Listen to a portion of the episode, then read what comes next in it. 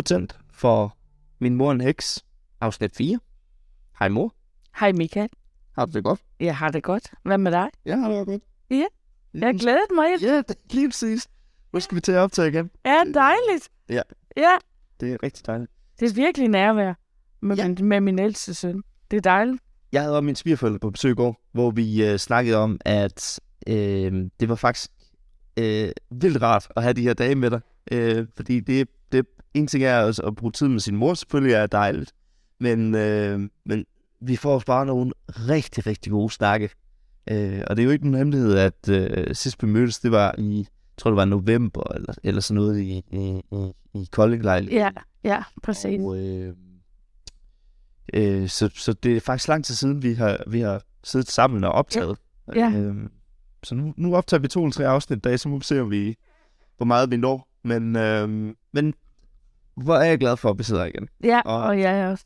Hvor er jeg også glad for, at vi har øh, fået så meget ros, som vi har. Ja. Der er rigtig mange, der faktisk skriver til os og siger, at de er rigtig glade for podcasten, og at øh, den, den gør rigtig, rigtig meget for dem. Og det er dejligt at, Ja, at, at mærke og høre, synes jeg. ja. Øh, skal lige noget lyd klaret her. Sådan der. Det allerbedste, synes jeg jo, at de skriver, at, eller at I, kære lyttere, skriver til os, at de glæder jer til at høre næste afsnit. Ja, Og vi kan snart ikke vente. Nej. Så nu øh, gør vi klar til, at de kan få et afsnit mere. Og vi har faktisk for at imødekomme lytterne en lille smule også øh, prøvet at hvad skal man sige, øh, implementere lytterne lidt mere i vores øh, afsnit. Det kommer vi Ja. til lige om et øjeblik. Fordi øh, vi bliver jo også selv på Radio 4, hvor en stor del af det, vi bliver, øh, hvad skal man sige, en, en stor del der, hvor vores lyttere egentlig primært er, det er jo Radio 4. Og øh, vi får også noget feedback fra Radio 4, fordi vi er en del af øh, Radio 4's Talent Lab. Så hvis man sidder og har lyst til at lave en podcast ude i, i verden lige nu, så vil jeg kraftigt anbefale, at man i hvert fald kigger den retning, for der får man i hvert fald noget rigtig god sparring. Ja, Men nok om Radio 4. Øh, en af de, øh, skal man sige, noget af det feedback, vi har fået fra Radio 4, det var, at de, de savnede egentlig lidt en, øh, egentlig lidt en forklaring på, hvad er det helt præcis en heks er? Hvorfor er det lige, vi kalder dig en heks? Ja. Og det har vi jo stået og, og snakket lidt om. Men det kan være, at du vil starte med at... Hvad skal jeg? Altså en heks, hvis vi kigger sådan lidt tilbage, så har det jo været en, der øh, et to øh, tankegang i alt det okulte. Mm. Og det kunne være i at øh, sanke urter og lave medicin den vej rundt. Øh, alternativ medicin, det kunne være at jage ånder væk, eller hvad de nu har beskæftiget sig med i, i gammel tid. Men, men rigtig meget af det, heksene tog sig af dengang, det var at forudsige, og så lave det her medicin af urter. Mm. Mm. Altså når vi ser billeder af hekse, så er det jo næsten altid, hun står over den her heksekedel. Ja. Og ikke også og har katten på skulderen, og en stor vorte på næsen og sådan noget.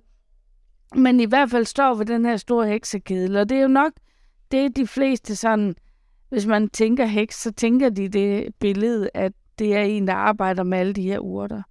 Men dem, der har lavet øh, altså forudsigelser, spåkoner og sådan noget, det var også hekseri.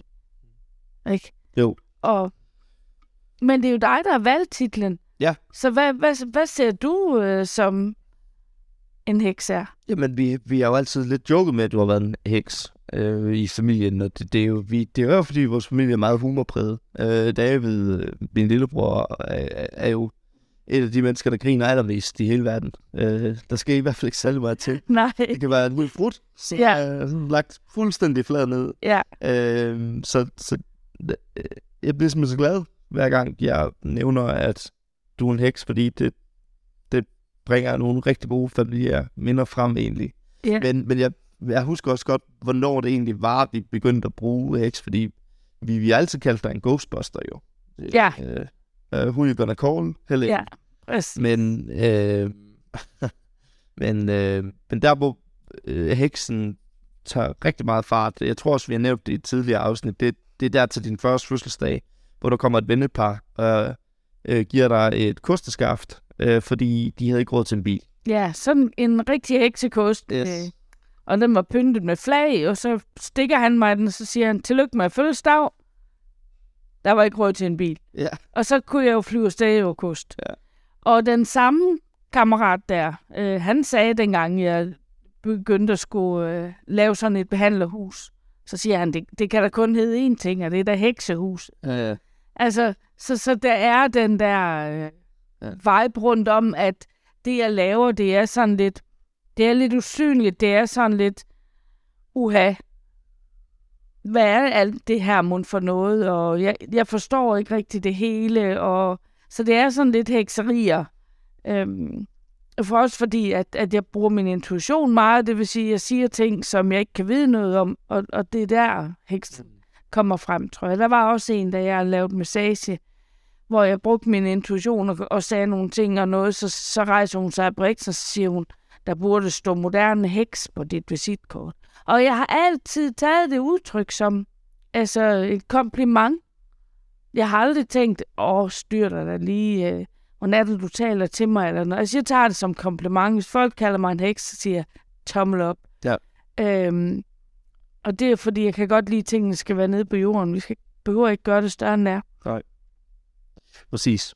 Og, og det, øh, igen, vores familie er jo meget øh, humorbetinget, og ja, det, øh, der er ikke noget negativt i ordet heks i hvert fald overhovedet. Øh, det er Ikke fra vores side Nej. i hvert fald. slet ikke. Så er det, når vi hører nogen skælde ud over nogen, siger, hun, hun er også en Ja, ja. heks, Mm. en led, et eller andet. Ja, ja. Men det er, jo, det er jo ikke i den måde, vi tænker det. Det er jo i form af mit arbejde, det, det bliver kaldt ind over her. Lige præcis.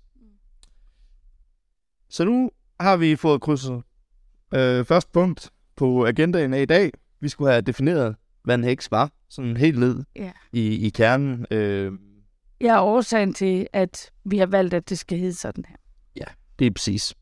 Øh, den næste ting, vi skal øh, til nu, det er, at vi skal til at implementere noget nyt øh, for første gang. Vi skal til at inddrage øh, en, øh, nogle lytterspørgsmål. Vi, Ja. vi har simpelthen valgt at øh, starte sådan lidt en, hvad skal man sige, spirituel brevkasse til, til, til dig. Det er primært dig, de fleste spørgsmål kommer til jo. Øh, det har faktisk kun været spørgsmål til dig. Det, og det er jeg faktisk lidt glad for. Så det er så fint. Men øh, man må godt stille mig spørgsmål, hvis det er. Det skal slet ikke lyde sådan. Men øh, vi har øh, valgt at prøve at, for at komme lidt tættere på vores lyttere, har vi valgt at lave en Facebook-gruppe, der Ja. hedder Min Mor er en Heks. Så hvis, hvis man går ind på Facebook og søger, Min Mor er en Heks, så kommer gruppen frem, og der skal man bare anmode, så, så øh, accepterer Helle og jeg øh, folk i gruppen.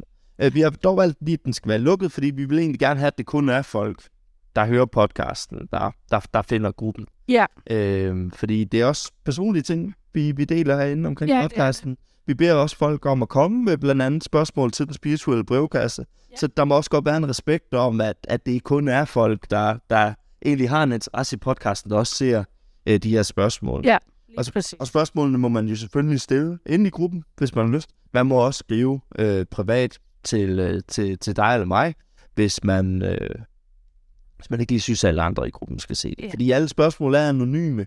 Vi nævner ingen navne på, hvem det er, der har øh, stillet spørgsmål eller sådan noget. Det er, det er 100% anonymt.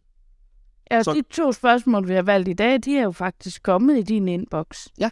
Og ikke som Det rigtigt. de har valgt at skrive direkte til dig, i stedet for at lægge dem ind i gruppen. Lige præcis. Ja. Og jeg tænker faktisk for lige at lave øh, noget lidt sjovt, så, øh, så tager jeg faktisk lige en selfie, mens vi sidder her nu, og så lægger vi den ind i gruppen, så folk de kan se, hvordan det ser ud, når vi sidder og optager her. 1, 2, 3. Sådan. Så hvis du har lyst til at se det, så skal du hoppe ind i vores Facebook-gruppe, så skal vi nok acceptere dig. Men nu skal vi videre til lytterspørgsmålene. Min mor er en heks, men en rigtig sej en af slagsen. Jeg har fået et spørgsmål fra en lytter her. Personen skriver, Hej Helle og Michael. tak for en lærerig og spændende podcast. Jeg har et par spørgsmål til Helle angående spiritualitet, og de kommer her. I din praksis og i dine sessioner med klienter, kombinerer du da forskellige redskaber inden for spiritualitet, eksempelvis krystalenergier og manifestationer. Det er det første spørgsmål. Det næste spørgsmål, det er, tror du, at alle mennesker har en speciel opgave i livet, som henvender sig til en speciel evne hos det enkelte individ? Det er jo to sindssygt skarpe spørgsmål. Rigtig gode spørgsmål. Jeg tænker, vi, vi bryder dem lige ned, fordi de, de er ret store, øh, begge to. Vi har jo heldigvis snakket om sådan nogle ting før. Vi har også lige vendt dem, inden vi, vi åbner mikrofonen. Vi er heldige, skal vi heller ikke være her. Øh, så jeg tænker, vi starter lige med at sige, i din praksis og i dine sessioner med klienter, kombinerer du da forskellige redskaber inden for spiritualitet? Ja, det gør jeg. Altså meget udgangspunkt i det menneske, der kommer. Mm. Øh, og jeg retter også min måde at tale på, afhængig af, hvor spirituelt et menneske, der sidder over for mig. Fordi nogle, de er meget spirituelle, og der taler vi om tidligere liv, og vi taler om, hvad der ellers ligger og kan stå i vejen for at komme videre. Og andre er ikke der, hvor snakken skal gå i den retning. De tror på, at der er noget, der er større, men det er alligevel ikke noget, der bare er en naturlighed at sidde og snakke om, at du har været afrikaner i 1750, og der har du oplevet det og det. Det er ikke en naturlighed for alle at bare tage de der snakke om det. Det er heller ikke en naturlighed for mig at sidde og få sådan noget at vide, jo. Nej, altså, præcis. Det, ja. Så for mig er det en naturlighed at snakke med kroppen om de der ting, for det er et redskab, når jeg healer. Det vil sige, at jeg laver som afsluttende på sådan en session, der slutter jeg af med at lave en healing på de traumer, der kan ligge i kroppen, og holde energien fast, så den er fastlåst. Og det gør jeg ved at gå ind og løsne øh, energierne fra ubehagelige oplevelser i det her liv. Slip de bånd ud til de personer, der har været involveret i de oplevelser. Og jeg går tilbage i tidligere liv og finder de oplevelser, der gør, at energien i det her liv er blevet så stærk. For det er det, der ofte sker, det er, at vi har en oplevelse, som egentlig, hvis vi kigger på den separat, og der har jeg haft en oplevelse, hvorfor kunne den blive så stærk? Det er øh, ofte så kan det virke som en bagatel at falde af en gynge ned på sin ryg og lige få slået luften ud af sig. Mor eller far var der ret hurtigt, holdt om mig, trøstede mig, men hvad er årsagen til, at det blev til så stort et chok? Og det første, så sidder jeg rigtig, rigtig glad og hygger mig. Og så kommer der sådan en uventet oplevelse, og jeg får slået luften ud af mig. Det vil sige, at jeg kan ikke trække vejret. Der kommer en angst ind over lige i det øjeblik, fordi jeg kan ikke få luft. Og den angst, og det der med ikke at kan få luft, hænger måske fast i et tidligere liv, hvor jeg har prøvet at falde ned på min ryg, og måske brække min ryg og ligge der og dø, fordi jeg kan ikke rejse mig, og, kan ikke, og der kommer ikke nogen og henter mig, fordi jeg er alene afsted. Eller det kan være et tidligere liv, hvor jeg er faldet ned på min ryg, fået luften slået ud af mig, og her ligger jeg, kan ikke få luft, og så er der et eller andet, der bagefter falder ned over mig og maser mig til døde. Så, eller hvad det kan være. Jeg, jeg kan ikke sige, hvad det kan være. Men fordi det, det, siger, det ved jeg først, når jeg går ind i kroppen og taler med den om, at den skal give mig et signal, den skal give mig en fortælling om, hvad er det, du har brug for at få løsne. Men den oplevelse med at lande ned på ryggen og få luften slået ud af mig, den tænder en energi ind i mig fra en oplevelse, jeg har haft tidligere, som ligger sjældent uforløst. Og derfor så bliver den der ene, det ene traume der, det bliver simpelthen så stort og så voldsomt. Øh, fordi den trækker energien med fra noget, der har været. Jeg ved ikke, om det giver, om det er logisk, eller om det, det giver mening. Men, men det er sådan, det er. Altså, hvis jeg skal sammenligne det noget med, med det her liv. Hvis du har en skade i dit knæ, mm. og går ned ad en trap. Og så glider du på trappen, mm. og slår dit knæ igen, så er skaden større, når du rejser dig, fordi der var en skade inde i, forvejen. Så den skade, der var i forvejen, den er ikke, kommer ikke bare tilbage til den skade, der, der var i forvejen, når det andet har fået noget tid. Nej, den skade vil være blevet forstørret. Ja. fordi der er sket yderligere noget. Og det er lidt det, fordi sjælen, sjælen, sjælen dør ikke, den tager alle sine hukommelser med sig. Det er kroppen, der dør, det er kroppen, der siger farvel. Så sjælen trækker sin tidligere livs hukommelse med sig ind i det her liv. Ganske ubevidst. Det er ikke nogen, vi har bevidst kontakt med. Men når der så sker noget, som vi har mødt før, så står energien bare forrest, puff, i vores underbevidste hukommelse, og skubber sig til den bevidste hukommelse, og derfor bliver den lige pludselig så stort. Nej, øh, øh, afslut bare. Ja, og, og så derfor kan noget vokse til, til at blive enormt stort. Og, og sådan kan det også blive adfærd.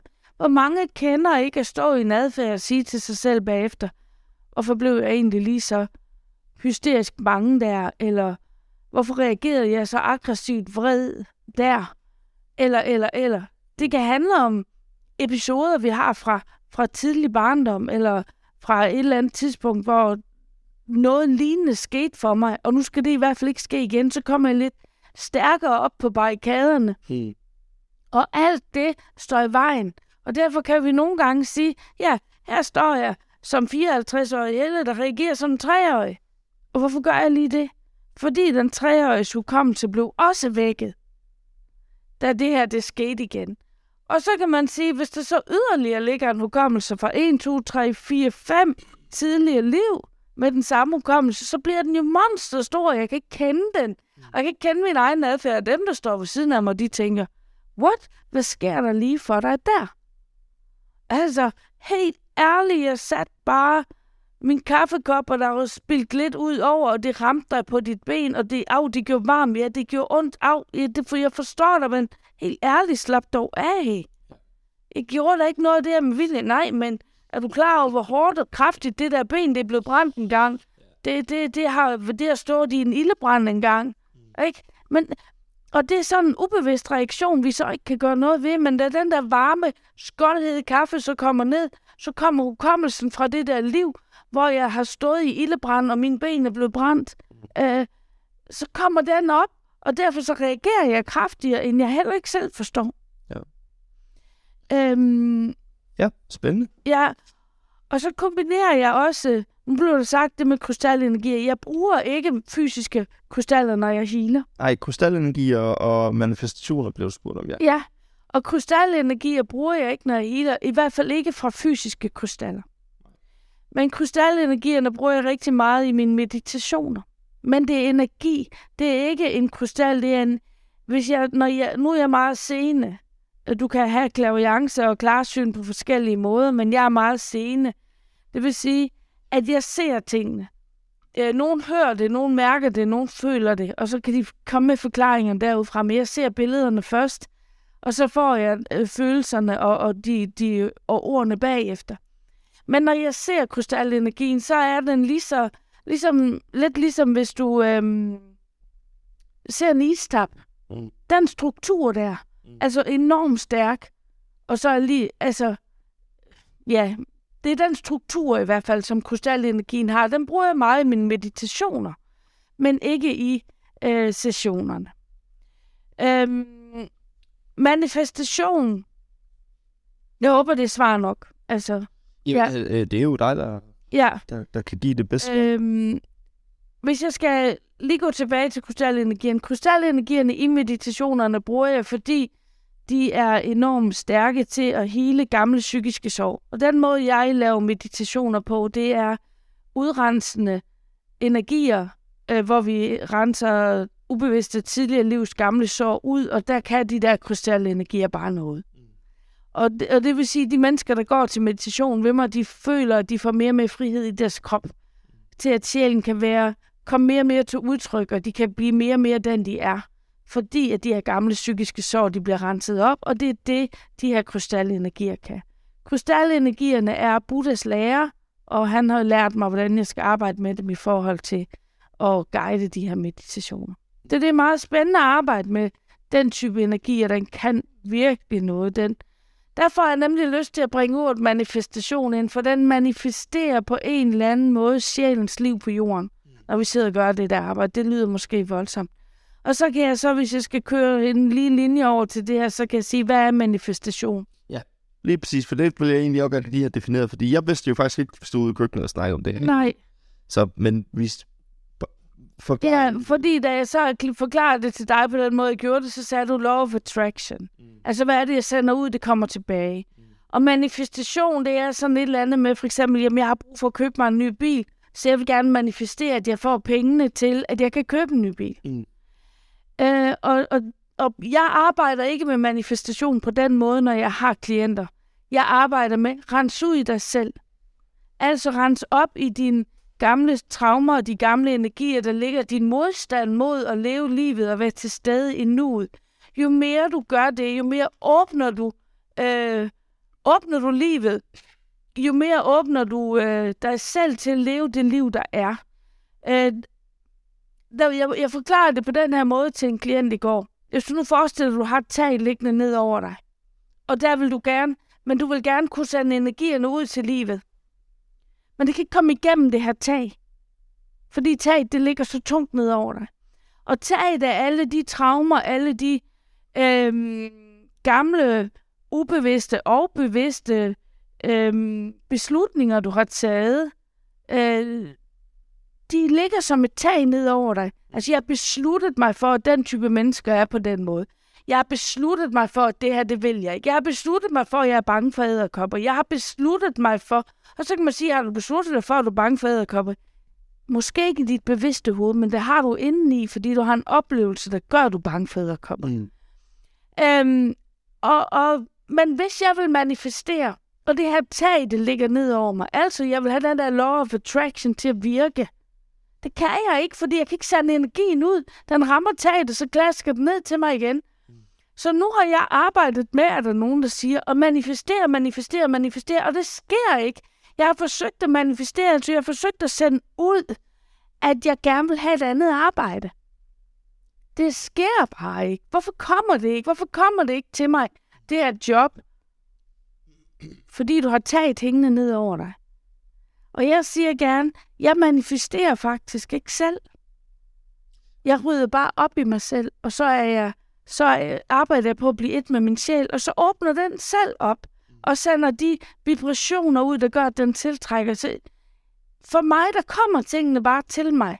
Men det gør de, fordi, altså kvæg, at jeg knokler med mig selv. De kommer til mig kvæg, at jeg stiller mig selv til rådighed for, at energien kan åbne sig, sådan at tingene kan komme til mig. Hvis jeg gerne vil have en kæreste, og kærligheden ikke rigtig vil finde ind, hvad er årsagen til, at den ikke vil det? Har du lukket af? Er du blevet såret så kraftigt, du rent faktisk har lukket af? Men dit hoved går, jeg vil gerne have en kæreste, jeg vil gerne have en kæreste, jeg vil gerne have en kæreste. Men dit hjerte tør ikke. Der er jo også det der, øh, nu, nu er jeg jo sådan lidt mere den jordnære i, i den her podcast, og, og den vil jeg gerne lige tage 100% øh, på, på hatten her. Øh, jeg har læst en bog fra en øh, forfatter, der hedder Mark, øh, Mark Manson over fra USA. Han lavede en, en bog, der hedder Kunsten ved ikke at give en fuck. Og det handler ikke om, at man skal sidde til begravelser med solbriller på og være fuldstændig ligeglad. Det handler om, at man har en vis mængde energi, og man skal være meget varsom omkring, hvor man ligger den energi. Og en af de ting, han blandt andet taler rigtig, rigtig meget om, det er, det, han, han afsætter faktisk et helt kapitel af til Don't Try. Han, han beskriver, at der er sådan en øh, uendelig kraft i, i, i universet, der bare modarbejder ting, man aktivt gerne vil have, skal ske. Det er som om, jo mere man prøver, jo, jo, jo mindre kommer det til dig. Og jo mindre du prøver, jo mere kommer det rigtige faktisk til dig. Øh, det, det synes jeg bare er sjovt, det giver rigtig god mening i forhold til det, du har siddet og snakket om lige nu jo. Ja. At, at, at hvis du prøver at fremtvinge noget, du måske ikke er klar til, Ja, præcis. så, så kommer det heller ikke til dig. Nej, det gør det ikke. Altså, når vi bliver såret, for eksempel, hvis vi skal tage den, for den er der mange, der kan forstå, så lukker vi lidt for kærligheden. Fordi den kan man brænde sig på, og den gør lidt ondt. Men det vi bare skal huske, det er, at vi laver et skjold, så kærligheden kan hverken komme ud eller ind. Det vil sige, at kan, du kan være ude i byen, du kan møde mennesker, men du sender ikke vibrationen ud om, at jeg må godt elskes. Du sender ikke vibrationen ud om, at jeg tør godt elske. Og du sender ikke vibrationen ud om, at jeg tør faktisk godt også elske andre. Fordi øh, jeg, jeg har lukket af. Så det panser, eller det skjold, vi lægger på, det er vi nødt til at få fjernet. Og så ligesom at sige, der er ikke kærlighed uden at blive såret. Fordi den såretheden, den gør jo, at kærligheden opleves på dybere plan, når vi tør gå ind i en relation, hvor vi også tør blive såret. Mm. Den, vi kan opleve, at kærligheden, når vi oplever sårighed, så finder vi lige pludselig ud af, hvor stor en værdi den kærlighed har. Så nogle gange, så er det rent faktisk bare sådan nogle, sådan nogle læringer, vi får ved det. Du kan ikke gå igennem dit liv uden at blive såret i kærlighed. Du kan også være i et parforhold, hvor vi elsker hinanden dybt, og så kan vi alligevel såre hinanden. Så må vi jo finde ud af, hov, du sårede mig, det skal vi have rettet op på det her. Mm. Men, men vi kan ikke uden. Og, og, og hvis vi vil manifestere, at jeg vil gerne have en kæreste, jeg vil gerne have et forhold, jeg vil gerne videre med det her, så er det vigtigt, at vi får renset ud, så at kærligheden selv kan gå ud og manifestere sig ude hos andre. Ikke? Altså, at øhm, hvis jeg nu går ind i en chokoladebutik,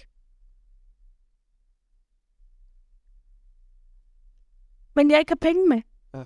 så kan alle købe chokolade. Så kan jeg få lov til at nøjes med at kigge på det. Penge er energien i at få lov til at få det, jeg vil have. Men jeg, jeg, jeg skal jo ture gå ind og købe, og det kan jeg kun. Jeg kan kun gå ind og købe, hvis jeg har penge med. Og det er det, vi skal med kærligheden. Vi skal ture sende pengene ud for at få den her, det her stykke chokolade. Altså, vi skal ture give noget ud, for at det kommer tilbage. Øh, og, og, og det handler det rigtig meget om. Og så blev der spurgt også, om I har brugt forskellige redskaber. Ja. Og det gør jeg. Jeg ser, hvad udgangspunktet er. Nogle gange er det en samtale, der indleder til, at der kommer nogle redskaber med hjem. Nogle kognitive redskaber med hjem, så du mentalt kan arbejde med at komme videre med det, vi har snakket om, og så frisætter jeg energien i kroppen. Noget af det, jeg synes, der også er lidt sjovt, hvis jeg lige må afbryde lige nu, Ja. Det er, øh, jeg ved, at der nogle gange, øh, vi, vi snakker jo ikke om, hvem du har som klienter, men vi kan jo godt tale om, hvad du har lavet sammen med klienter. Ja. Og det, det synes jeg jo er sindssygt spændende. Og jeg ved, nogle gange, så har du givet folk sætninger med hjem, de skal sige. Det er jo næsten sådan noget, øh, volapyk, skulle jeg til at sige. Folk, de skal sige. Jeg, jeg mindes da i hvert fald, der er nogen, der skulle sige, no, men sas. Nej, Nej. det var bare gas. Men øh, der er nogen, der har skulle sige nogle, nogle lidt sjove ting, i Ja. hvert fald. ja. Øhm, det er jo også et redskab. Man Det er kan det. Ikke? ja. Men det er jo ikke særlig tit, jeg har oplevet i hvert fald. Nej. Skrevet om du. Sådan noget. Men det, det er sådan nogle ord, der, der kommer til mig, og jeg ved ikke, hvor de kommer fra. Jo, jo, det ved jeg jo godt. Jeg ved jo godt, de kommer inde fra mig. Og, men det er sådan en form for sanskrit, altså sådan noget gammelt indisk et eller andet. Men de manifesterer energien på en eller anden måde stærkt inde i en krop. Altså, jeg, hvis jeg skal sige noget af det, som jeg så skal forsøge bagefter at stave ned på et stykke papir, det er ikke altid så sjovt, men det kan være sådan noget ala fasi hej. Og det skal siges på den måde der. Fasi hej. Fasi hej. Og så skal de sige det tre gange. Og de sidder sådan lige lidt og kigger på mig, og så tænker de, rappler det over i stolen derovre. Jeg kan egentlig også godt selv tit, og, og, og det, Hvad er det så, det gør at sige? Man det er lige præcis det, fordi det, er, er, lystrer det noget i kroppen at sige den sætning, eller, eller hvad er det, der aktivt går ind? Hvorfor er det, du beder din klient om at, at sige sætningen? jamen, det kommer helt an på, hvad de er, de har. Ja, ja. Ind. Altså, hvis de nu har en sygdom, og, og, og den der sætning, man kommer ned til mig, at den her, den her, øh, den her sætning, den binder dine celler sammen på en bestemt måde. Det vil sige, at cellerne kan begynde at, at hele sig anderledes. Eller hvis du har en brækket knogle, eller du har et eller andet, så kan det hjælpe med at hele det. Altså ligesom nogle skruetvinger, der, der trækker brudet sammen.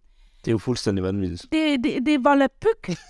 Jamen Michael, det er volapyk. Og ved du hvad, jeg kan godt sige dig, de første gange, jeg fik dem, det er jo mange, mange, mange år siden. Det er jo Mm. 17-18 år siden eller sådan noget. Der, der kørte jeg ud og rensede og hele lidt heste sammen med en kammerat, jeg har. Mm. Og øh, dyr må jeg ikke hele. Jeg kan godt, men jeg må ikke. Altså energien slukker. Jeg skal tage mig af mennesker. Men Ejner, han kunne hele dyrene. Ikke? Så jeg var med, og det var jo bare et hobby hyggeprojekt for mig, ikke? Altså, så, så det var bare sjov. Men så kunne vi køre afsted der, og så havde jeg sådan en lille notisbog, så siger jeg, jeg ved ikke hvorfor, men jeg får simpelthen sådan noget mærkeligt, når jeg er ned til den her hest. Og, og Ejne synes jo, det var vældig interessant, så jeg sagde jo der nu, og så, så kommer der måske Kasnifai, Kasnifai, Kasnifai, det skrev jeg ned, jeg anede ikke, hvad det betød. Der kom vi hen til den her hest, og jeg kigger lidt, når jeg, der ligger det traume, og det traume, og det traume. Okay, den der hest, nej gud, den havde det der brud på sin rygvivl, det var derfor diabetes kom. Okay, og så kunne jeg se, at når jeg sagde ordene kasnifai, kasnifai, kasnifai, så var det som om, der blev sat en skruetvinge. Altså sådan en, hvis du skal have to stykker øh, bræt lige med sammen. Sådan en skruetvinge, så sprøjter du lige med imellem dem en skruetvinge på, og så spænder du til. Mm. Ikke? Det var ligesom om, jeg kunne se inde i kroppen, at der blev sat sådan en skruetvinge på den her rygvivl. Og så blev der bare skruet, ikke? Kasnifai, kasnifai, kasnifai, sagde jeg så igen. Og så blev det skruet igen. Jeg tænkte, hvad er det her for noget? Nu var det ikke kasnifai, det blev sagt med den der rygvivl, men jeg kan ikke huske sætningen, Nej. fordi det var så lang tid siden, men det er fordi sætningerne opstår, når de skal bruges.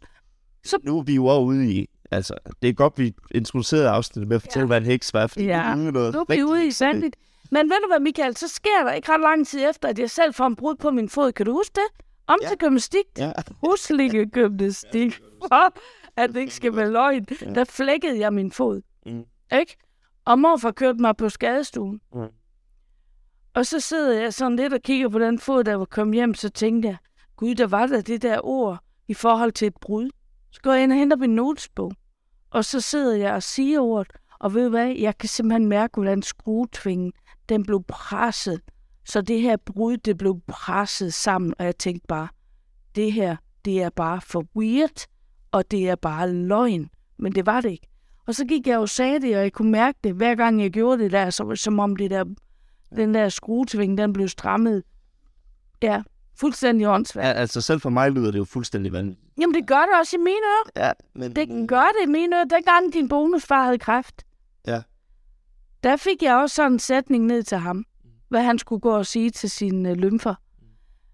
Og han kiggede lidt på den her sætning.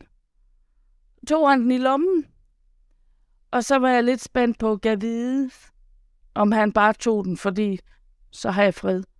Så snakker vi ikke mere om det. Og så havde han skiftet bukser, og så var, så var sadlen i de nye bukser. Så siger jeg, hvad bruger du den? Ja, det er, sagde han så, mange gange om dagen. Altså, han turer ikke andet, vel? Men, men øh, og, og, jeg, og jeg kan se det ligesom om, når jeg siger de der, så er det ligesom om, at små bitte, bitte englevæsener, der er ikke større end et tændstikhoved, flyver ind i kroppen, og så flyver de i cirkler rundt om det sted, hvor der er et eller andet, der er galt. Ikke også? Mm. Et eller andet er galt inde i kroppen, så flyver de i cirkler rundt om det sted. Og så med deres engleenergi, tsh, den kommer så i vibration og kan så gå ind i det sted. Det er ikke så tit mere, at jeg får de der sætninger, men det er altså vanvittigt. Det ved jeg godt. Det er jo fantastisk. Og jeg synes jo, det er... øh, Jeg synes jo egentlig, det vi sidder og snakker om her, er egentlig det oplagte bevis på, hvorfor det egentlig er. Eller det, det er ikke det oplagte bevis, men det er egentlig den oplagte årsag til, at jeg egentlig godt kunne tænke mig at lave den her podcast. Fordi det er jo sådan noget her, jeg har hørt om hele mit liv. Og en ting er, om jeg tror på det eller ej. En anden ting, det er bare, at jeg synes, historien og din fortælling er simpelthen så spændende. Og det er det her med, at det må lytterne skulle også kunne fornemme nu. Det, det, det, er, det er så vildt, det du sidder og fortæller her, at det, det, er jo ikke, det, er jo, det er jo ikke bare noget, du opdægter for at tjene penge. Altså, det er jo, ikke- det er jo ikke bare noget, du... Man, man hører bare så tit om spirituelle, der har fusket og har... Øh, altså, der er sgu mange øh, alternative behandlere, der ikke har gjort dagsordenen nem for folk som dig. Det er der. Og, og, og, og, og jeg, ja, jeg synes, øh, altså, ja, jeg synes, det er fucking vanvittigt, det du sidder og snakker om lige nu. Jeg synes, jeg synes det er helt vildt, at, at man kan sige en sætning, og så, og så kommer der nogle knogler sammen. Men hvorfor ikke? Har jeg også sådan lidt. Hvor, hvorfor, er, hvorfor er din virkelighed øh, øh, mindre vigtig end min virkelighed er? Og det, og det er jo det. Det er jo, det er jo den dagsorden, jeg jo også lidt ønsker skulle ud, og at jeg så kan hjælpe med nogle kompetencer i forhold til at lave podcast og så videre, synes jeg jo bare fantastisk, så ikke? Så det er godt, mor. Og jeg er glad for, at vi nu har skabt et medie, en kanal, hvor du åbent, hudløst ærligt, kan sidde og fortælle om, hvad det er, der foregår. Altså, om at, at sige sådan noget som det, jeg lige har fortalt jer her. At I skal også bare lige vide, kære lyttere, at det er faktisk også lidt angstprovokerende, fordi det, jeg lige har fortalt her, det er jo så langt ude et eller andet sted, at folk de siger, vil være nu hun jo kuk gak op i hovedet. Ja. Men så må det være sådan. Og ved du hvad? Min mor er en heks. Det er hendes hoved, vi vil, øh, vi vil øh, ind i. I går.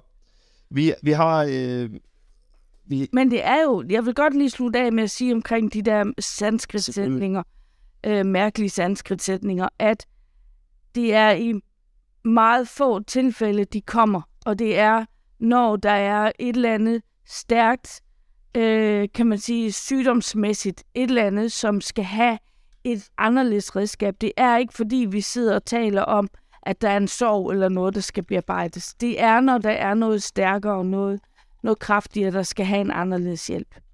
Ja. Det vil jeg gerne lige slutte af. ja, og det, er, det er, skal du endelig have lov til. Øhm, det sidste spørgsmål, der var, det, det kommer vi nok lidt hurtigere over end... Øh, Men øh, det næste, det var jo, tror du, alle mennesker har en speciel opgave i livet, som henvender sig til en speciel evne hos det enkelte individ? Og nu, nu kender jeg personen, der har stillet spørgsmålet. Og jeg, jeg tror, øh, det hun mener med det, det er det her om, vi har en, hvad skal man sige, en mission.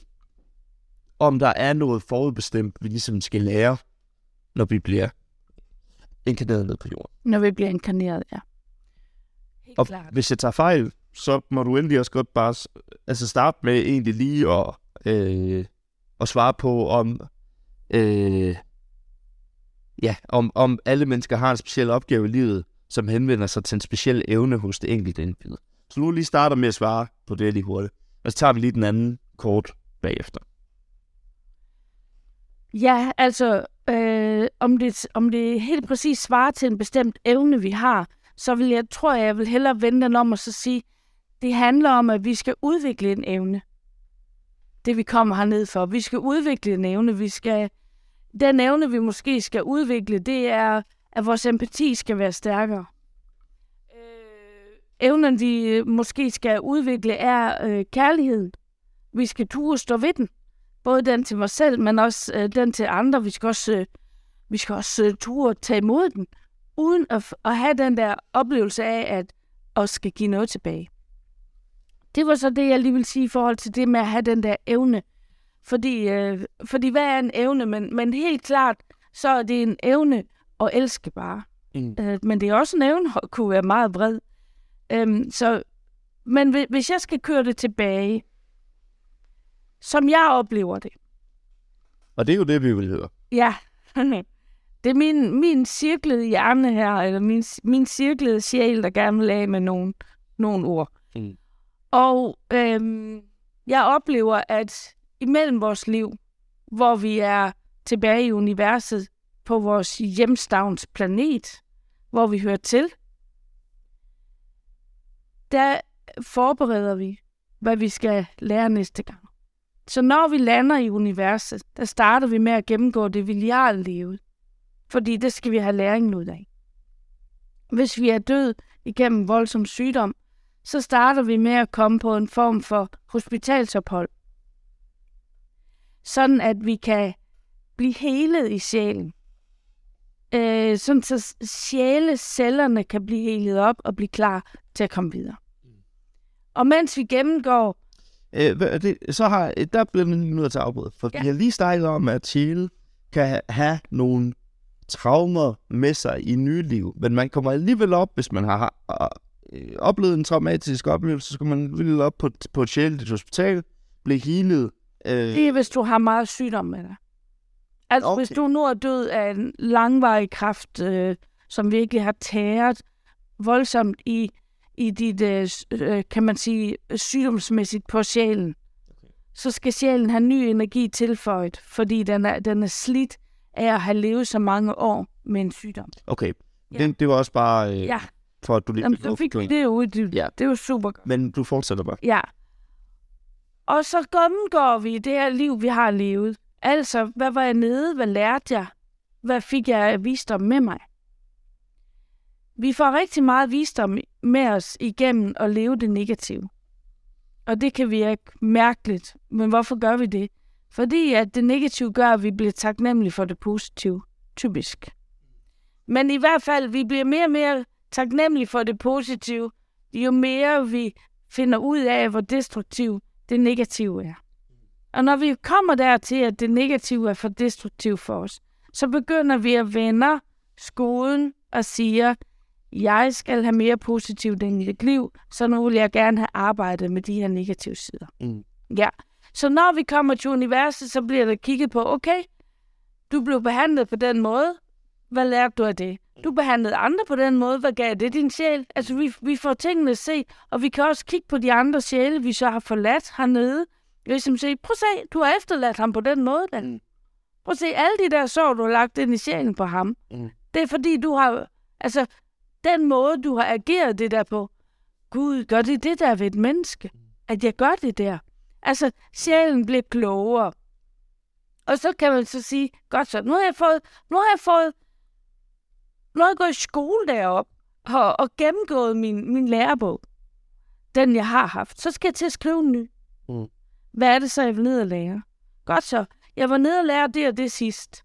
Så jeg, jeg er i hvert fald ikke færdig med at udvikle min empati, så den skal med, men det skal ikke være hovedemnet, fordi empatien kommer tit ud af noget andet. Øh, men jeg har i hvert fald brug for at, at komme længere i kontakt, mere i kontakt med at have kærligheden til mig selv og være omsorgsfuld for mig selv. Okay, så hvordan kan du komme i gang med at gøre det? Og det hjælper de så med. Ja. Vi ved heldigvis ikke, hvordan læringen skal komme, fordi så var det nogle gange, vi ikke vil gå herned. Det tror jeg virkelig på. Altså, hvis du ved, du skal ned og have dig et liv, hvor du, fra du var ganske ung, er- er temmelig syg, og så har du den der sygdom med dig nærmest hele dit liv, så tror jeg, at de fleste vil sige, det der, det er for udmattende, det magter jeg ikke. Så det, på den måde får vi ikke at vide, hvordan vi skal have læringen.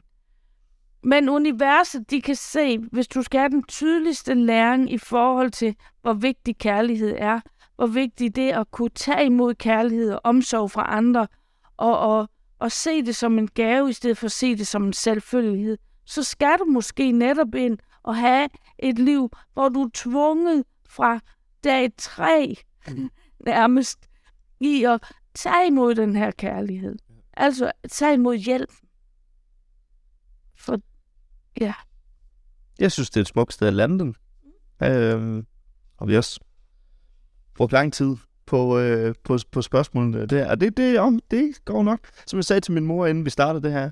Altså det her, det kan tage 5 minutter, det her, det kan tage 20 minutter. Det her har så taget 40 minutter. Åh, Så Michael, du kender godt min mund. ja, det, Ja. og ved du hvad? Det er helt okay. Vi tager en jingle, så vender vi tilbage igen. Min mor er en heks, men en rigtig sej en af slagsen. Så fik vi rundet lytterspørgsmål af. Det blev lidt, det blev lidt langt. Men som alting, så skal man lige teste for at finde ud af, hvordan skal vi lige gøre det. Altså det kan være, at det bliver lidt, det lidt kortere, det kan være, at det bliver sammenlægnet, det kan være, det finder vi ud af. Det kommer også lidt an på, hvor mange, øh, kan man sige, hjørner der er, Ja, og, og et vender dreje i de spørgsmål. Det er er, ikke? Helt enig. Men mor, en af de ting, jeg tænkte, vi egentlig skulle snakke lidt om i dag, øhm, det, det er når, inden vi går i gang med at tage hul på, på dagens emne, øhm, så synes jeg, det er vigtigt, at, at lytterne får det her at vide. Der er ikke noget manus, øh, når vi to vi snakker. I, Nej. I mange podcasts, så, så har de faktisk næsten ordret skrevet altså replikker til hinanden, og så, okay. og så er det bare afsted. Øh, det eneste, jeg sidder med her lige nu, øh, det tager jeg lidt billede af. Det gør jeg lige nu. Og det lægger vi faktisk også lige op i gruppen sammen med øh, selfien, så man kan se, hvor meget vi egentlig har øh, forberedt os. Jeg har en lille seddel foran mig, hvor der står, øh, vi skal starte med at have en intro. Altså, hej mor, hej Michael. Har du det godt? Ja, det har jeg. Har du det godt? Ja, det har jeg. Så skal vi have uddybet, hvad en heks er. Så har vi lytterspørgsmål, og jeg skal lave reklame på, at vi havde en Facebook-gruppe, og så står der i gang. Det er simpelthen det manus, vi har forholdt os til. øh, en lille øh, indholdsbetegnelse, kan man nok godt kalde det. Så det er alt, der kommer fra nu, det er bare vigtigt, at lytterne de ved, det er altså freestyle, og det er også det, der gør podcasten autentisk, synes jeg, det er, at, at det er en, en samtale mellem øh, mor og søn, der, der, der tilfældigvis handler om spiritualitet. Så må det gå i den retning, det, det nu kommer. Lige præcis. Mor, jeg synes, øh, jeg, jeg synes, at vi skal høre lidt om dit arbejde i dag. Hvad, altså, hvordan dit arbejde er i dag. Fordi vi har hørt meget omkring rejsen hertil, og vi har hørt lidt omkring, sige, hvor du er i dag, men jeg synes ikke, vi har fået den rigtige øh, fortælling om, hvad det egentlig er, du, du, du laver i dag. Øh, så vil du prøve at, at fortælle lytterne lidt mere om, øh, hvordan en typisk arbejdsdag, eller en arbejdsuge, eller en arbejdsmåned ser, ser ud for dig? I dag arbejder jeg primært med det psykiske. Øh, der kan også være, jeg har ondt i maven, hvor du hjælper mig med at kigge på det. Og, og de fleste, i det de booker sådan en tid, tænker måske ikke så meget ind, at det rent faktisk kan være en psykisk årsag. Men ved det, de ved, at jeg kan noget med også at, eller det hedder massere de indre organer, altså kigge, mærke på, om, om mavesækken sidder i klemme og sådan noget. Ja. At så er det egentlig det, de, de uh, booker, at de vil gerne have mig til at tjekke deres mave, om, om der er nogle spændinger rent fysisk. Men jeg kan, jeg kan ikke kun mærke på, om der er noget fysisk. Så øh, tager jeg øh, øh, og mærker, altså hvis øh, kroppen taler jo til mig. Altså det gør den, den taler til mig. Jeg rører ved den, puff, brrr, så begynder mit hoved. Og så kan jeg jo have nogle oplevelser af, at der ligger altså noget derinde, vi skal, vi skal lige have vendt og snakket om. Så så nævner jeg det. Øh, der er jeg så samtidig også lidt forsigtig, for jeg ved, de har, de har booket noget fysisk. Jeg har ikke mange af dem, fordi øh, at min, jeg arbejder mest med, med healingen og samtalen. Men, men dem, der kender mig fra tidligere, de ved, at jeg kan de her ting. Og derfor så kommer de. Og så nævner jeg det. Så siger jeg, jeg har en fornemmelse af, at der ligger noget bag ved det her. Og at den her klump inde i maven, du oplever, den rent faktisk handler om sådan og sådan. Og, og, øhm, og så er det sådan, det er. Øhm, der kom lige præcis sådan en på et tidspunkt. Om jeg ville... Øhm, han havde hørt fra en, at jeg kunne sætte en mavesæk på plads. Det lyder så voldsomt, når jeg siger det, ikke? Men det- mavesækken kan godt komme lidt i klemme, hvis vi har hostet meget, eller hvis vi har kastet op, eller Altså, hvordan? Altså, laver den knude, eller hvordan? den kommer i klemme op i noget, der hedder mellemgulvsdiafragmet. Og så sidder der sådan en lille stykke af, af mavesækken deroppe. Det kan betyde, at din mavemund ikke kan lukke sig, så syren kan stå op i dit øh, spiserøst. Og det er noget, man kalder også at have reflux. Og, og dem, der har det der reflux, øh, dem, der kender mig, de ved, de skal jo bare lige øh, ned til helle og have masseret på den der mavesæk. Så, ja, så bliver, bliver der lige presset lidt på mavesækken, så den kan komme ud af den klemme. Altså, det svarer lidt til, at du får din finger i klemme i døren. Men der er ikke nogen, der åbner døren. Den bliver bare med med at sidde derinde. Ja. Øh, det er faktisk det, at have en mavesæk i klemme. Det er sådan lidt eller sådan noget. Så jeg er den, der åbner døren. Ja. Så mavesækken kan komme ned, glide ned på plads igen. Ikke?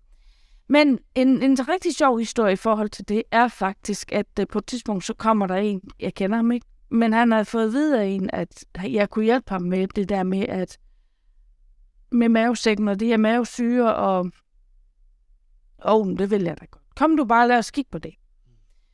Så kommer han, og jeg, jeg kender ham jo ikke, men jeg kan bare mærke, at hans mave, den er hård som sten. Så jeg kan næsten ikke, ja, det kan næsten ikke behandle ham. Og, og en af de der øh, sådan rigtige gavnemands, øh, undskyld udtrykket, men, men altså hvor... Jeg ved. Den er bare, altså, Ja. når jeg rørte ved den, det var nærmest som at røre på et stykke bræt. Og sådan skal en mave ikke være. En mave skal, en sådan mave skal være som at gå på en trampolin. Diu, diu, diu, diu. altså, når du trykker ned på en tarm, ikke? Så skal en sådan øh, mave være. Brum, brum. Der må ikke være sådan, at fingrene bare forsvinder ned i den, og må ikke være hård. Og var bare stenhård, den her mave. Og jeg tænkte, det der, det er ikke sygdom. Fordi en, en mave kan også blive stenhård, hvis det er kraft derinde, ikke? Mm. Men det var ikke sygdom, det kunne jeg bare mærke. Og så siger jeg til ham, øh, Din mave, den er godt nok meget hård. Har du, øh, har du været udsat for et kraftigt chok? Han stivnede bare simpelthen fra tåspids til fingerspids til toppen af kraniet, da jeg sagde det. Mm. Ja, det havde han. Han havde været i Afghanistan som soldat, og han havde PTSD. Jeg kendte ham ikke, jeg anede ikke. Vidste ingenting. Nå, siger jeg så. Okay. Er der en speciel chokerende oplevelse, du har oplevet i Afghanistan, der gør, at du ved bare, at du har fået sådan et ekstra stort chok og traume? Ja, det var der. Nu vil jeg ikke fortælle historien. Nej, nej. Øh, men han fortalte mig den så. Ganske sige, jeg vil ingen detaljer have, men bare sådan overordnethed. Så fortalte han mig overordnet bare, hvad den indeholdt, den oplevelse. For jeg skal ikke ned i nogen detaljer med ham og rippe op i alt det. No, no. Bare den overordnede fortælling, så kan jeg faktisk arbejde med resten. Og siger, ved du hvad, for at jeg kan løsne den her mave, vil det være okay, jeg lige stiller mig ned ved dine fødder, bare lige et øjeblik, og løsner det chok og det traume, du har liggende derinde, sådan jeg kan få din mave til at blive blød. Øh, ja, lød der jo så. Jeg siger, Øh, sådan, hvad er det så, du skal? Jeg stiller mig bare hernede ved, ved din fødder. Jeg beder dig sige to farver. På et tidspunkt skal du sige en farve, så beder jeg dig om at sige en mere, og that's it. Og når jeg så er gået lidt, så kommer jeg op, så arbejder videre med din mave. Må jeg gøre det? Øh, ja. Altså, hvis det er det, der skal til. Kan jeg få det dårligt så på grund af mit PC? Nej, det siger det kan du ikke. Nå, jamen det måtte jeg godt så. Så øh, gør jeg det. Lige så bliver hans mave så blød, at jeg rent faktisk kan arbejde med den her mavesæk.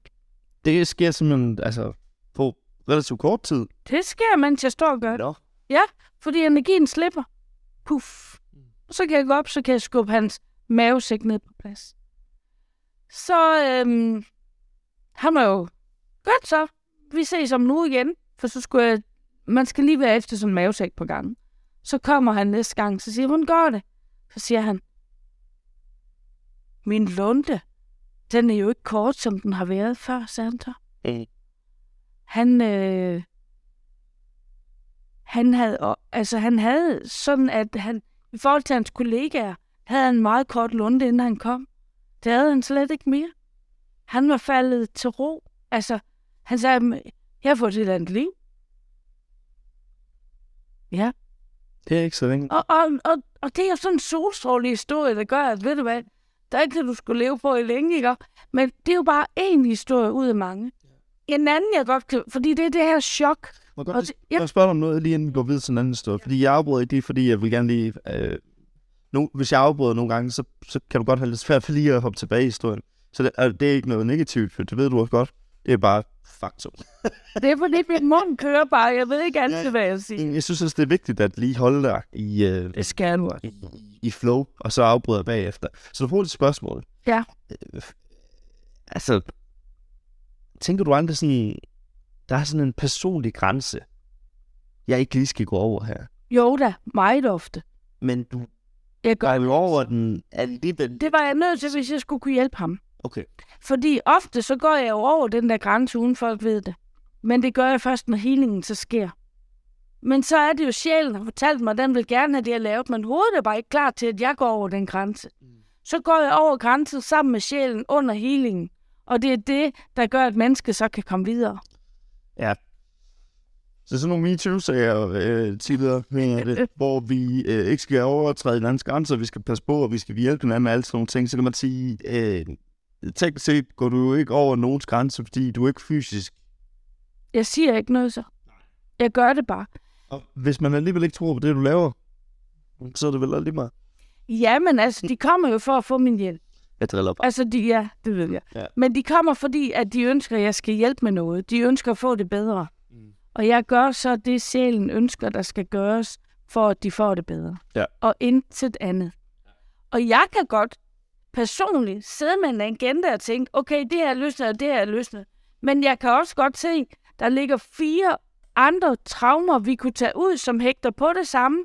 Yes!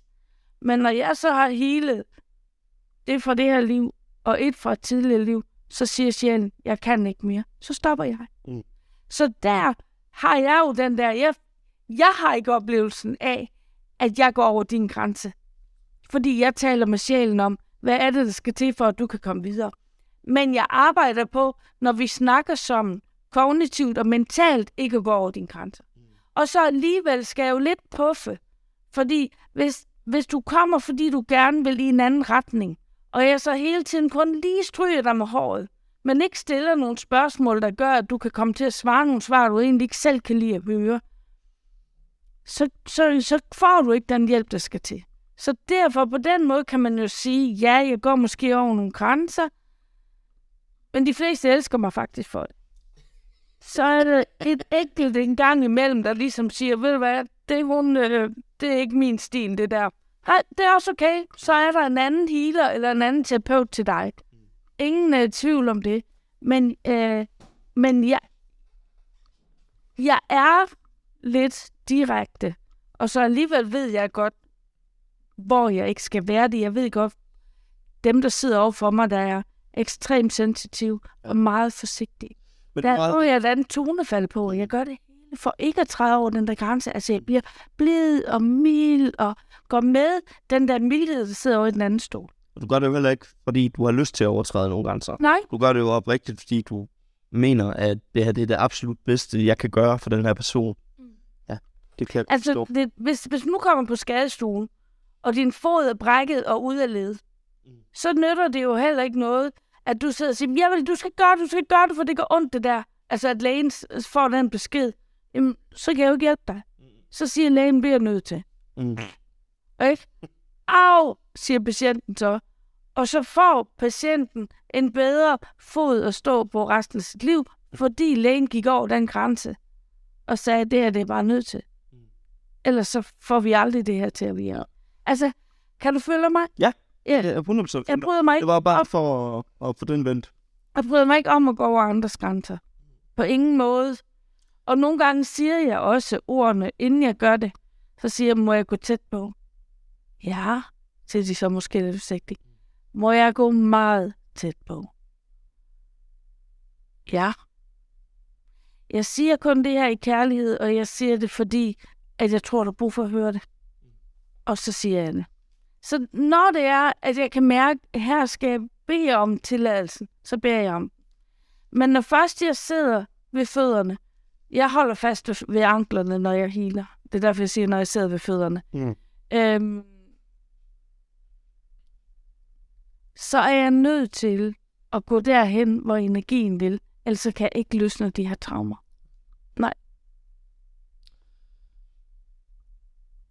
Øh, noget jeg egentlig er rigtig lidt nysgerrig på, som vi kan snakke om. Øh, renser du egentlig stadig huse? Det kan jeg ikke huske. Det gør jeg. Gør du det? Yep. Det tror jeg faktisk, du har sluttet med. Nej, jeg renser huse, og der er faktisk øh, sådan en galopperende vækst i rens hus lige nu. Nå. Øh, Ja, du havde jo øh, et kæmpe opsving på, på efterspørgselen for det. I hvert fald øh, lige under corona, hvor folk var så meget hjemme. Ja. Virkelig mærket. Ja. Øh, Præcis. Og, det, og, og så var det ligesom, der var sådan en lille, lille stillhedskurve, men nu, jeg har, øh, altså jeg, jeg kan magte at tage et hus i ugen, fordi det er så energikrævende. Ja. Og hvis du skal have en tid til at få renset dit hus ved mig, fordi jeg kun kan tage et i ugen, så skal jeg faktisk have den midt i maj lige nu. okay. Hold da kæft. Ja. Eller hold da op. Ja, hold da op, ja. Ja. Men ja, det, er- så der er rigtig, rigtig mange, der ønsker at få renset deres hus, og jeg tror på, at det er alt det her, der sker i energierne rundt om os, der gør, at folk bliver mere øh, følsomme, men energierne, de larmer os mere. Hvad er det? Er det øh, Ukraine, inflation? Øh, nej, jeg tror, det er sådan, som planeterne står, og al den energi, der, der foregår der, gør, at energien hernede på jorden også reagerer anderledes. Og så bliver vi mere, vi bliver mere, på, på visse punkter bliver vi mere ubalanceret, og på visse punkter bliver vi mere balanceret, øh, fordi det gør det der, og så skal vi lige finde os selv igen, og i de der perioder, hvor vi så bliver lidt ubalanceret, øj, og så vores hjem også er det, så giver det kaos, og så kan de virkelig mærke, at den der følelse af ro hjemme, den kan de så ikke finde lige pludselig. Spændende. Så ja, Mm. et eller andet på den, øh, på den måde der, ja. Men ved du hvad, i forhold til det der med chok og traume, hvis jeg lige må tage en sjov historie mere, jeg synes virkelig, den var god. Giv mig. Øh, fordi det er også sådan en, hvor man kan sige, hold det op, kan det virkelig det der? da jeg læste øh, coachuddannelse over i København, ADHD-coachen. ADHD-coachuddannelsen, der øhm, kommer vi ind, øh, vi var der tre dage, mandag, tirsdag og onsdag. Ja. Mandag morgen, mandag, Jeg bare lige en kop kaffe her. mandag morgen, den ene øh, gang, hvor vi møder ind, så kommer der en ind. Hun er fuldstændig i chok. Hun, hun græder, hun er ikke nærværende, og hun kan slet ikke, øh, hun kan ikke finde ud af at være der. Det viser sig så, at øh, om søndagen, der om morgenen, der blev hun ringet op af en nabo i hendes sommerhus, at hendes sommerhus står i brand. Nå. Og hun kører jo afsted til det her sommerhus, og hun er, da hun kommer der mandag, der er det her sommerhus, det er jo brændt voldsomt, og, og hun, er, hun er meget i chok. Og hun, hun sidder og græder, og læreren han kigger på hende, han ved ikke rigtigt, hvad han skal gøre ved hende, og Mm. han vidste jo godt, at jeg var sådan lidt et eller andet. Men han vidste alligevel ikke, hvad jeg var. Ligesom hele Danmark. Ja, han vidste alligevel ikke rigtigt, hvad jeg var, men han vidste, at jeg kunne et eller andet. Altså, Ja, ja. Men jeg skal faktisk rose ham Anders der, fordi han er faktisk en af de få undervisere, jeg nogensinde har haft. Jeg tror, jeg kan bare på to inden for det alternative og inden for sådan noget her, der har rummet og synes, at, øh, at det, jeg kunne, det var noget, øh, der kunne bruges til noget. Fedt. Ja, og det så ham, øh, han stor og stor kado til ham. Så så øh, underviser han, og så skal vi gå ud og træne det her, han har undervist ud. Og vi skulle gå i grupper af tre. Så kommer han hen til mig med hans hænder ind, med sin, med her, øh, sin nøgle til sit kontor, sit, til sit øh, møderum, hvor han har sine klienter. Hvis du nu får de her nøgler til mit kontor, kunne du så ikke tage hende med ned og gøre et eller andet ved hende? Ja, for han vidste ikke lige, hvad han skulle sige. Nej, han vidste ikke, hvad han skulle gøre ved hende. Øh, jo, siger jeg så. Nu fik jeg jo ikke trænet. Det vi fik undervist. Nå, tænkte det må jo være sådan. Så går jeg jo med, ned, med hende ned på kontoret en time. Sidder vi derinde. Hun fortæller mig hele historien. Jeg hører en historie. Så laver jeg det, jeg kalder et chok- og traumehealing på hende. Så tog hun en dyb indånding, tørt øjnene, og så gik vi op. Og så kom hun smilende op til de andre. Hun grinede og hyggede sig resten af de tre dage der. Så kommer han hen til mig i pausen, og så siger han, hvad F har du lavet med hende? Og så tænkte jeg, hvor driller jeg ham? Så jeg sagde bare, tryl, tryl, tryl. Ja, sådan en heksesætning. Ja. Ja. Tryl, tryl, tryl, sagde jeg bare. Så stod han og kiggede på mig. Og så rystede han lidt på hovedet, og så smilte han, og så bare sådan ligesom, og så hans øjne, de sagde, det var en vild oplevelse. Ja. Og det var det også. Jeg havde ikke forventet, at jeg kunne gøre det der. Mm. Men, men det er det, hvis du får, får den rigtige indgangsvinkel til chok og traumer, så kan de noget. Og især når de er så nye, Mhm. så giver det simpelthen et swuff lige her nu. Mhm. Det kan noget. Hvad, hvad sker der ellers på sådan en måned i dit arbejde? Har du andre spændende ting, vi lige skal høre om, eller vil du gerne have, at vi runder af lige så stille? Jamen altså, jeg, jeg har øh, forskellige øh, workshops, jeg laver. Ja. Øh, I morgen for eksempel, der skal jeg starte øh, fire weekender op, der hedder visdomskommunikation. Mm. Sådan at øh, det er ikke til øh, ikke en coachuddannelse, men fire weekender til private, der bare gerne vil være bedre til at kommunikere med hinanden. Undgå misforståelserne og være bedre til at tale et sprog, der gør, at andre forstår mig. Øh, det glæder jeg mig rigtig meget til. Jeg synes, det er sjovt at undervise i kommunikation. Ja. Fordi jeg, bringer, jeg kan godt lide at bringe det hele menneske ind i kommunikationen, og ikke kun hjernen. Det er jo et af mine yndlingsfag på entreprenørskab, det samme jo. Det er jo ja. Ja. i selve kommunikationsdelen. Der ligger så også rigtig meget op af marketing jo selvfølgelig. Men Ja. det er jo bare lidt sjovt, fordi mormor er jo også vanvittigt dygtig i Ja. kommunikation. Ja. Det er bare sjovt, hvordan der lige er noget, noget, Ja, noget genetik eller Ja. der, der går videre. men det er et rigtig, rigtig spændende emne. Øh, så det glæder jeg mig meget til. Så har jeg jo sådan nogle små workshops af bare en aften for eksempel, øh, hvor, hvor vi går ind og, og um, har sat, hvor jeg har sat et emne på. Nu, jeg har faktisk også lige lavet en uh, tur hjem til Samos. Mm. En ferietur. Ja. Meditationsferie. Prøv lige at fortælle øh, om, om turene til Samos, fordi Det har jeg hørt meget om. Så jeg ved jo godt, hvad der foregår. Men jeg tror, lytterne vil egentlig også synes, det var meget interessant lige at høre. Hvad, hvad, hvad sker der egentlig? Hvorfor laver du en tur til Samos? Jamen, øh, og hvad er det, der er? Hvorfor er det lige Samos, I skal til, skal vi også lige? ja, ja. I, I mange år har dem, der går til meditation, vi mig, ellers kommet og fået sessioner og sådan noget, ved mig sagt, lærer du ikke et eller andet til udlandet, ned i varmen, hvor vi kan komme derned og meditere eller noget? Og jeg synes godt nok, det var en stor opgave. Og, og så i øh, 18, da min mand og jeg, der bor jeg, vi sidder og kigger på, hvor skal vi holde sommerferie? Skal vi være i Danmark? Skal vi en tur afsted? Så øh, ser jeg nogle billeder. Jeg aner ikke det samme, jeg sidder og kigger på. Men jeg siger bare til min mand, det her, det ser godt nok også lækkert ud. Hold da op. Her, det her, det kunne jeg tænke mig. Det er sådan, min kæreste op i sommerferie. Ja, det er skide godt. Ja. Den der intuitiv fornemmelse af, oh, her virker som et eller andet, der tiltrækker mig, men, ikke, men hovedet, bevidstheden er ikke med ind over det. Så kigger Bo lidt på det, og så siger han, det ser da lækkert ud, skal vi ikke prøve det? Jo, lad os det. Så står vi i lufthavnen i billedet, og så siger han, nå, men så er det jo spændende at se, om det er Samos. Du skal ned og undersøge, om det er der, du skal lave en tur med damer. Og når han siger damer, så mener han dem, der kommer til meditation, så der jo også kommer mænd, ikke? Øh, men øh, det er vel fordi, det er et over, overvæld af damer. Det er jo internt. Ja. Ja. ja. Så øhm, ud af 35, der går til meditation, så har jeg to mænd. Ja. Så når han siger damerne, så er det jo fordi, at det primært er damerne. Og siger, begynder du nu også? Da vi så var dernede, da vi har været der et døgn, så siger jeg til Bo, vi skal hernede med et hold.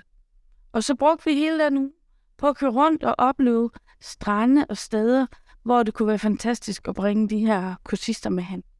Skriver ned, fotograferer, gør alt klar, taler med hende på hotellet om, hvordan og hvorledes.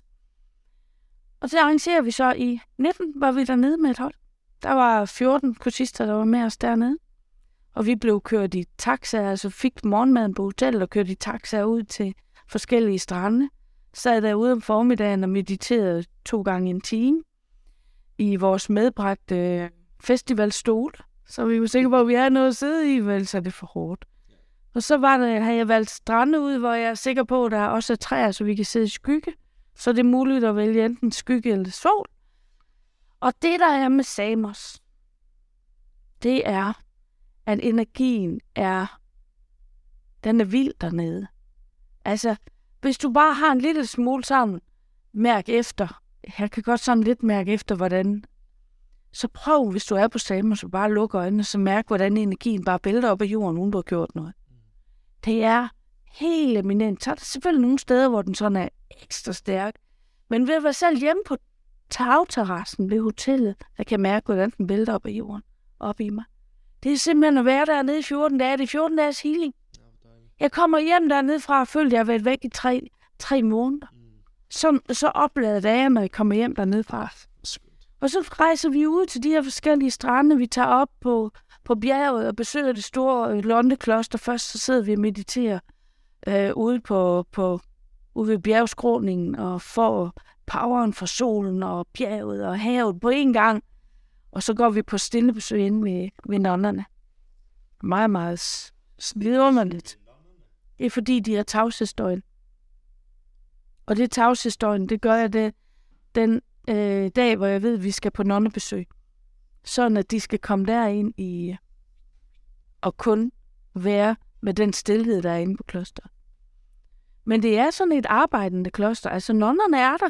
Du kan se, at de går rundt og fejrer og går ren, og nogen passer butikken, og nogen er i gang med at pusse og polere inde i kirken. Hvorfor er det, I skal opleve det? Hvad, hvorfor er det vigtigt, at de kommer ind og, og oplever et tavshedsdøgn? Altså oplever energien i et tavshedsdøgn? Altså, øh, når du kommer ind i tavsheden, og du skal blive derinde, I skal vel ikke blive derinde et døgn? jo, de må ikke sige noget i et døgn. Vi starter... Dine damer og dem, der er med der? Ja. Nå, Ja, det jeg troede bare, I var øh, forbi en time og kiggede. Nå. Sådan. Vi starter om aftenen, når de har spist. Klokken 8 mødes vi om aftenen. Mediterer en halv time, sætter den her tavshed i gang. Og så mediterer vi i tavshed næste morgen. Altså, de må ikke sige godmorgen til hinanden, de må ikke smile.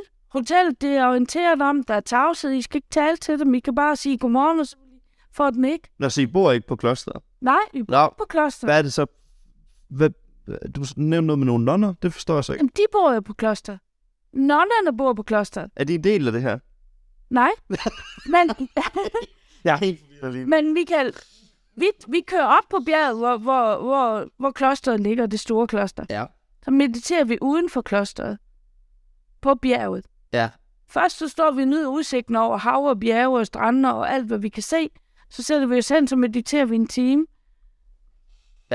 Og når vi har mediteret den time, så får de tid til igen at suge himlen og havet og solen og alt det der til sig. Og så vandrer vi op, hvor klosteret ligger, og går ind på besøg inde i klosteret. Og så kan de sidde derinde i tavshed, gå ind i kirken, der er midt inde i klosteret, gården, og sætte sig derinde i tavshed, være i tavsheden med dem selv, øh, gå rundt og, og mærke tavsheden.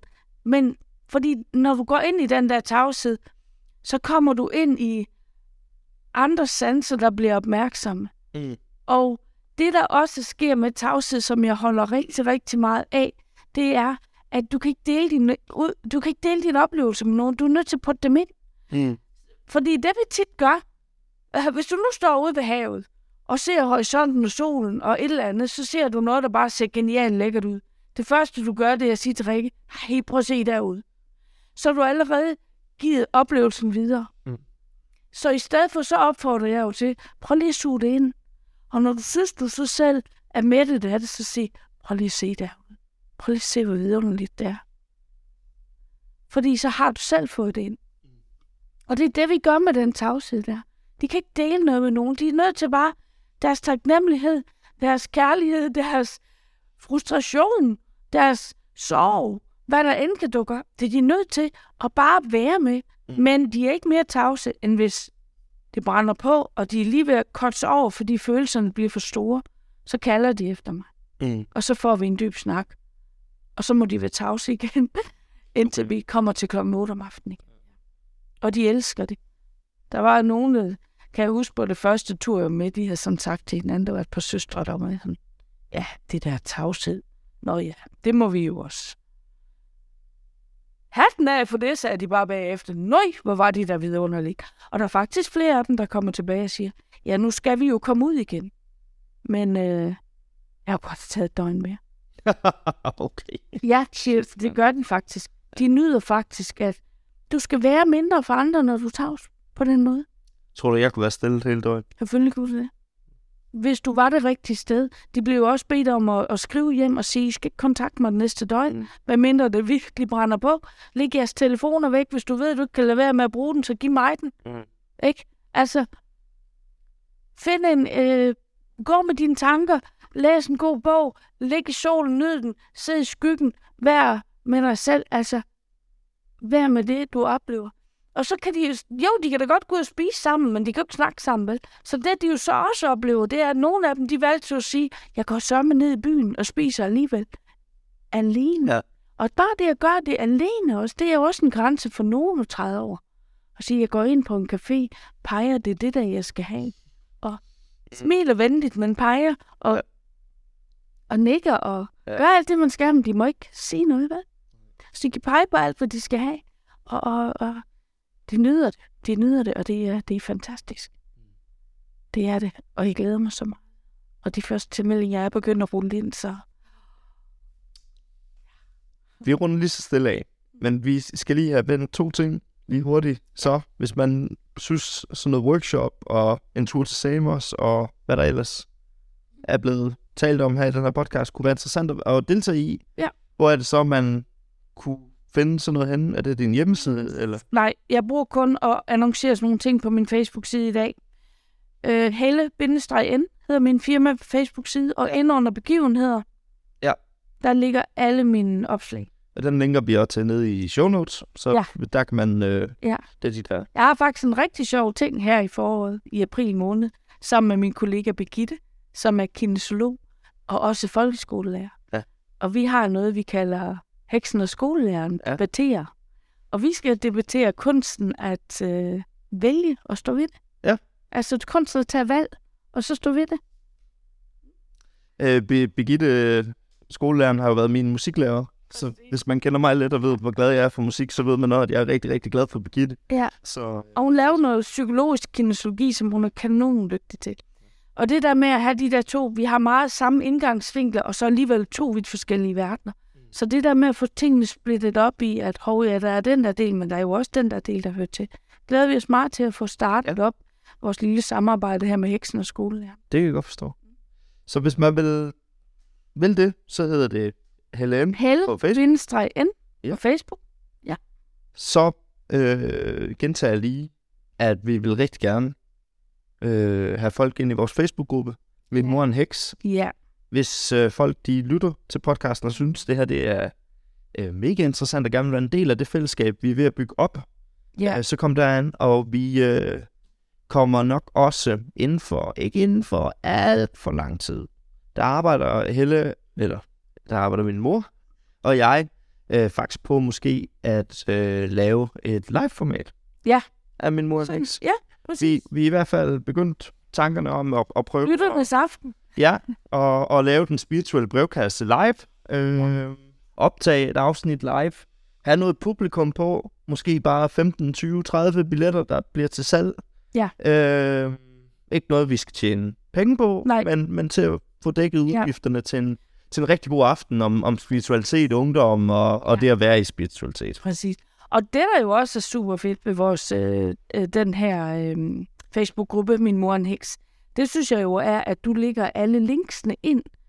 Så det er meget let at finde de nye afsnit. Ja. Ikke? Du kan Ja. bare gå derind, og så øh, når vi lægger op, så kan du bare trykke på de der link. Så åbner det sig jo i forskellige formater. Præcis. Jeg, jeg laver altid et opslag hver gang. Det er mig, der sidder og redigerer episoderne jo og lægger dem ud.